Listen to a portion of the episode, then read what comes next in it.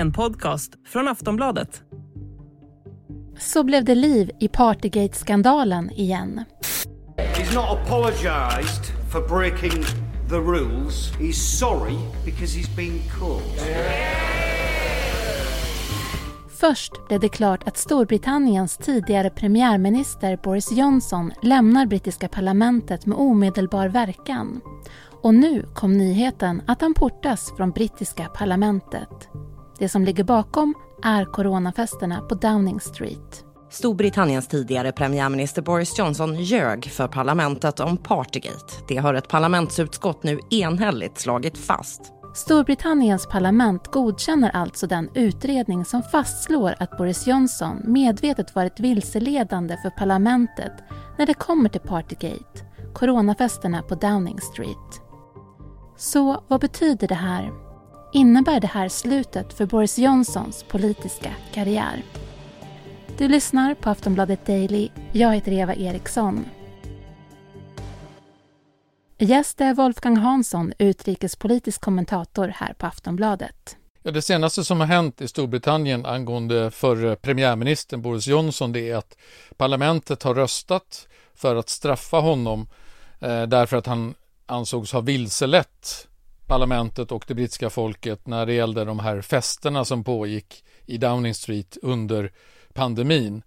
Eh, och det innebär att Boris Johnson inte har tillträde till parlamentet under 90 dagar. Han, han, går, miste, han går miste om sitt eh, passerkort till parlamentet så att ska han besöka parlamentet så måste han göra det i sällskap med någon annan parlamentsledamot. Eftersom han redan har avgått eh, som parlamentsledamot så, så råkar han inte ut för den här 90 dagars avstängningen som annars hade blivit. Jag tänker ändå att vi tar det lite grann från början ändå. Partygate. Vad är det för coronafester som det handlar om? Ja, det var ju så att eh, Storbritannien hade ju väldigt hårda restriktioner under pandemin. Eh, man fick inte träffa eh, någon person utanför sitt eget hushåll under en viss period. Eh, och det här drabbade ju alla britter då som inte fick träffa sina anhöriga. Många hade ju kanske människor som var gamla och sjuka och behövde hjälp men de, de fick inte besöka dem. Eh, men däremot så var det så att på Downing Street, där hade man då fester där man träffades 30, 40, 50 personer. Man drack alkohol. Nu senast har det kommit ut videofilmer som visar hur man dansar och, och skojar och umgås väldigt tätt och inte håller avstånd. Eh, och det här har ju upprört britterna väldigt mycket eftersom Eh, det som gällde för brittiska folket, det vill säga att de var tvungna att hålla sig instängda, det gällde uppenbarligen inte för Boris Johnson och politikerna eh, och tjänstemännen som jobbade i 10 Downing Street hos Boris Johnson. Vad är det då som han vilseledde? Ja, det var ju så att när de här uppgifterna började komma ut om att det hade pågått sådana här tillställningar i 10 Downing Street så sa Boris Johnson att eh, så vitt han visste så hade alla covidregler följts till punkt och pricka. Det hade inte förekommit några tillställningar som bröt emot covidreglerna. Eh, och det här sa han upprepade gånger under lång tid. Eh, och sen visade det sig att eh, eh, det visst hade pågått den här typen av tillställningar. Och det finns i den här parlamentariska utredningen som har gjorts så finns det då bevis i form av vittnesmål och annat att Boris Johnson kände till att de här tillställningarna pågick och att han inte gjorde någonting för att stoppa dem. Och det är det som han då döms för nu, att han har vilselett parlamentet när han har svarat på frågor och sagt nej, det har, all, alla regler har följts till punkt och pricka, vi har inte brutit mot några regler. Och nu visar det sig att eh, det gjorde de visst det. Och han visste om det. Han valde att avgå. Vad hade annars hänt? Om han inte hade avgått så hade han blivit avstängd under 90 dagar från sin plats i parlamentet. Eh, och det är ju en väldigt ovanlig åtgärd som hade ju varit väldigt pinsamt för honom att råka ut för. Och det var därför som han fick nämligen vetskap om den här rapporten i förväg och fick kännedom om innehållet, att han skulle pekas ut som att han hade vilselett parlamentet och då drog han slutsatsen att då kommer det parlamentet att rösta för den här utredningen. Jag kommer att bli avstängd och det är bättre att jag avgår självmant. Så att han, han avgick tio dagar innan den här eh, omröstningen skedde. Kring hela den här karusellen då, eller vad man ska säga. Vad säger han själv och nu när vi pratar, vad är det senaste han har sagt? det absolut senaste jag sagt, det vet jag faktiskt inte, men han, han har ju alldeles nyligen uttalat sig om att han sagt att den här eh, parlamentariska utredningen eh, är en eh, kangaroo court som man säger på engelska, jag vet inte det svenska uttrycket, men liksom en eh, låtsasdomstol som har eh, kommit fram till det här. Och han, när han avgick från sin plats i parlamentet för tio dagar sedan, då skrev han ju ett uttalande där, som var väldigt aggressivt och, och liksom mer eller mindre anklagade eh, den här kommittén för att eh, föra med osanning och inte lyssna på eh, Eh, hans försvar och så vidare. Så att han är ju absolut inte ångerfull utan tvärtom så, så eh, har han ju slagit tillbaka med, med de medel han har i nuläget.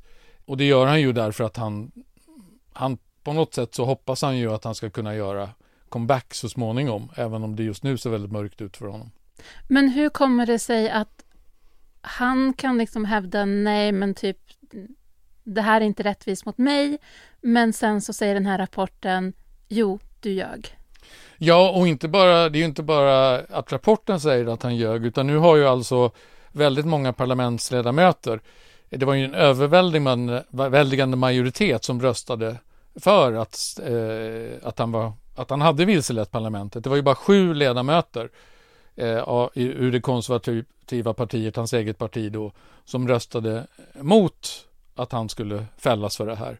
Eh, och då var det visserligen en hel del konservativa ledamöter som undvek att rösta. De la ner sina röster för att de inte skulle uppfattas som att de hade röstat mot sin egen före detta premiärminister. Men det är ju ändå så att det är ju en så här överväldigande finns väl inget beslut som överhuvudtaget har tagits i det brittiska parlamentet på väldigt länge. Så att eh, eh det är ju uppenbart att han, eh, han, han försöker försvara sig därför att han eh, känner att det är anfall är bästa försvar i det här läget om han vill ha någon framtid i politiken framöver. Är det slutet som politiker för Boris Johnson? Aftonbladet Daily är strax tillbaks.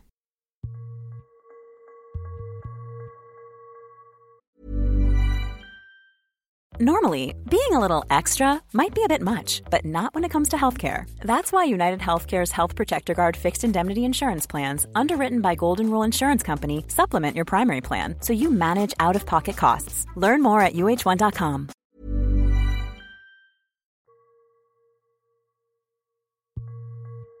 Är det här slutet som politiker för Boris Johnson? Det tror jag inte. Jag tror man ska akta sig väldigt noga för att döma ut honom bara på grund av det här. I nuläget så är han väldigt impopulär hos många britter och inom sitt eget parti. Men han har fortfarande en, en grupp kärnväljare. Det är lite som, som Donald Trump i USA. Eh, många ogillar honom men han har en, en väldigt trogen grupp som gillar honom väldigt mycket.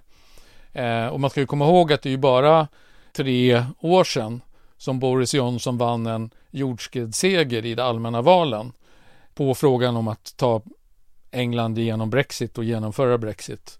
Eh, det var ju länge sedan någon vann en sån eh, stor seger som han gjorde då. Eh, så att jag tror att när det här har lagt sig och beroende på hur, naturligtvis hur politiken i övrigt ser ut så tror jag att hans plan är att göra comeback och att Hans förhoppning är att eh, landet ska ropa efter honom och säga snälla Boris, allt är förlåtet, kom tillbaka, vi, vi älskar dig och no någonting sånt. Eh, och det ska man nog inte utesluta för att eh, Storbritannien genomlider just nu en väldigt svår tid som, som många länder gör, men det är extra svårt i Storbritannien med extra hög inflation och ovanpå alla de här andra ekonomiska svårigheterna så har man effekten av Brexit som har gjort att eh, ekonomin har gått ner, det saknas varor, eh, folk blir arbetslösa, det, det är liksom det är väldigt det har varit, liksom Brexit har inte varit den här, eh, än så länge i alla fall, den här fantastiska framgångssagan som Boris Johnson försökte utmåla den som. Eh, och det är, även om han nu var den som låg bakom Brexit så ska man inte innebär inte det att han för alltid är körd, liksom, utan när det här, när det har gått en tid så kan han mycket väl eh, komma tillbaka som politiker. Det vi pratar om någonstans just nu, det handlar ju om förtroende och också för politiker. Så jag tänker om vi tar ett lite större grepp när det kommer till brittiska politiker. Hur ser förtroendet ut där just nu? Det är väldigt sargat skulle jag vilja säga. Eh, och det är ju ett skäl till att eh, så många parlamentariker röstade ändå för att fälla Boris Johnson för det här. Därför att man inser att enda sättet att återställa en del av förtroendet det är att visa att, att det Boris Johnson gjorde var fel. Och han är ju inte den enda politikern som är i blåsväder just nu. Eh, jag menar premiärministern Rishi Sunak, han deltog inte i den här omröstningen och många kallar honom för att säga att det var fekt att han eh, inte deltog och han, han hävdar att han då, han träffade faktiskt Sveriges statsminister Ulf Kristersson eh, samtidigt som den här, eller i, i, samband med att den här omröstningen var och påstår därför att han inte kunde delta. Men det, det köper inte folk liksom, utan man ser ju det här som ett sätt för honom att distansera sig från det här. Och sen har vi då eh, Skottlands försteminister Nicola Sturgeon som ju avgick ganska nyligen och väldigt snart efter att hon avgick så har, har hon ju begreps hon av polis och har förhörts och eh, eh, vi vet ännu inte om det blir något åtal men det talas om eh, ekonomiska oegentligheter, om bidrag till partiet som ska ha eh, förskingrats och så vidare eller använts för fel syften. Så att eh, ganska brett nu så är det ett väldigt lågt förtroende för brittiska politiker eh, hos befolkningen. Boris Johnson, vad, vad kommer hända med honom nu? Ja, nu är han ju en, en fri man så att säga. Han är ju, sitter inte längre kvar i parlamentet. Han eh, har ju eh, redan gjort sig stora pengar på att hålla tal för olika organisationer och grupper. Han är väldigt eftersökt talare. Han är ju väldigt underhållande som eh, person och politiker, Eh, vilket ju är en del av hans popularitet som har varit i alla fall. Eh, så han har tjänat stora pengar redan på det här eh, att hålla föredrag och det kommer han säkert att fortsätta med. Sen är det ju många som tror att han kommer att eh, återuppta den här kolumnen som han hade i Daily Telegraph under tiden David Cameron var premiärminister, som också var en konservativ premiärminister, där han ju använde den som en plattform för att peka på att han var ett alternativ till den sittande premiärministern. Och det skulle han ju kunna göra även, även nu då, att mm, peka på vad han skulle göra annorlunda än vad Rishi Sunak gör just nu. Och det kan ju bli en plattform, eh, kanske inte inför nästa val, för det inträffar ju redan om, om ett drygt år, men kanske eh, valet efter det så skulle han kunna på nytt bli aktuell i brittisk politik. Skulle man kunna säga då att om man gör en comeback, eller blir han då lite som en katt inom politiken som har flera liv? Ja, definitivt. Han har ju redan visat att han har eh, nio liv eller, eller ännu fler. Eh, och framförallt så drömmer han väl lite om att göra en comeback liknande den som eh, Winston Churchill gjorde när han först var utdömd och utskrattad och sen kom tillbaka i, i samband med eh, kriget då, andra världskriget. Och det är väl något sånt som Boris Johnson också hoppas på, att han ska bli efterfrågad så att säga eh, på ålderns höst. Det sa Wolfgang Hansson, utrikespolitisk kommentator. Den här intervjun spelades in tisdag den 20 juni. Du har lyssnat på Aftonbladet Daily. Jag heter Eva Eriksson och vi hörs snart igen.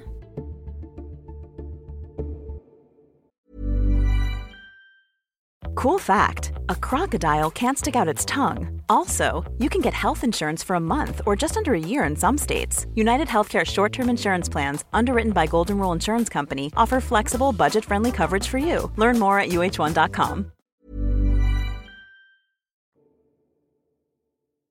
Du har lyssnat på en podcast från Aftonbladet. Ansvarig utgivare är Lena K Samuelsson.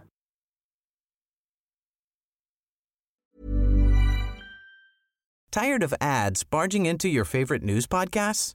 Good news. Ad-free listening is available on Amazon Music for all the music plus top podcasts included with your Prime membership. Stay up to date on everything newsworthy by downloading the Amazon Music app for free or go to amazon.com slash news ad free. That's amazon.com slash news ad free to catch up on the latest episodes without the ads.